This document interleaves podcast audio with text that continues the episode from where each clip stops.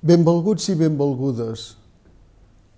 A la carta dominical del darrer diumenge proposàvem de glossar i comentar durant unes quantes setmanes el document dels bisbes de Catalunya del mes passat, publicat a propòsit del 25è aniversari del Concili Tarraconense.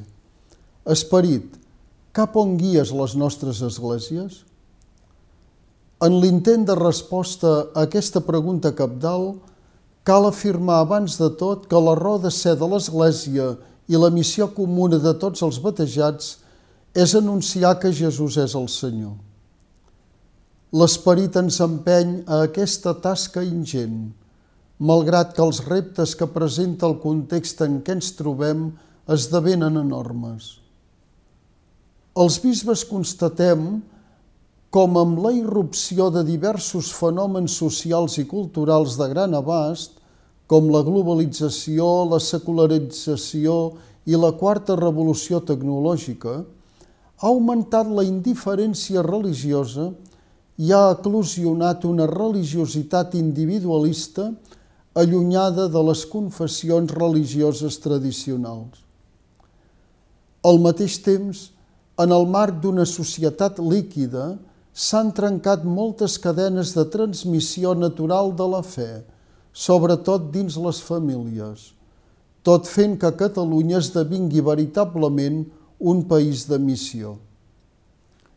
Davant aquest nou paradigma, si bé el subjecte que comunica l'Evangeli i surt en missió és el poble de Déu en el seu conjunt, convé recordar que cada batejat és cridat a realitzar-ho en el seu propi àmbit, cap cristià convençut en pot quedar exclòs. Ho exigeix la nostra pròpia dignitat com a cristians. Escampar l'Evangeli i proposar-lo amb els fets i les paraules, suscitar nous amics de Jesús, no és proselitisme, sinó profecia. Dir que Jesús és el Senyor va més enllà d'una presentació de la vida de Jesús de Nazaret vol dir confessar i proclamar que Jesús és el fill de Déu, autor i salvador de la vida. Qui creu en mi, encara que mori, viurà, ens diu Jesús. Els cristians hem de comunicar aquesta fe enmig de la indiferència religiosa del món d'avui, estant sempre a punt per donar una resposta a tothom qui ens demani raó de la nostra esperança, com trobem escrit a la primera carta de Sant Pere.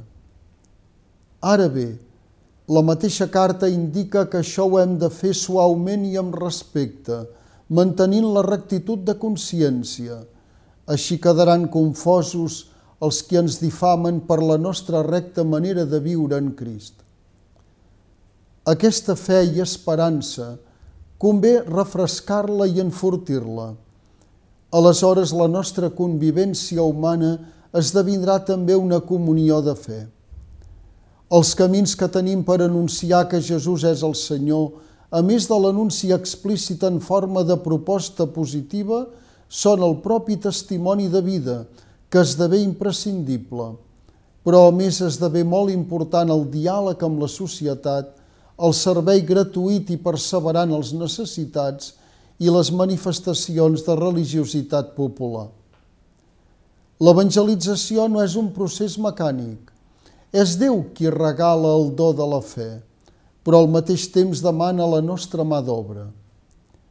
Adéu-siau i fins la setmana vinent, si Déu vol.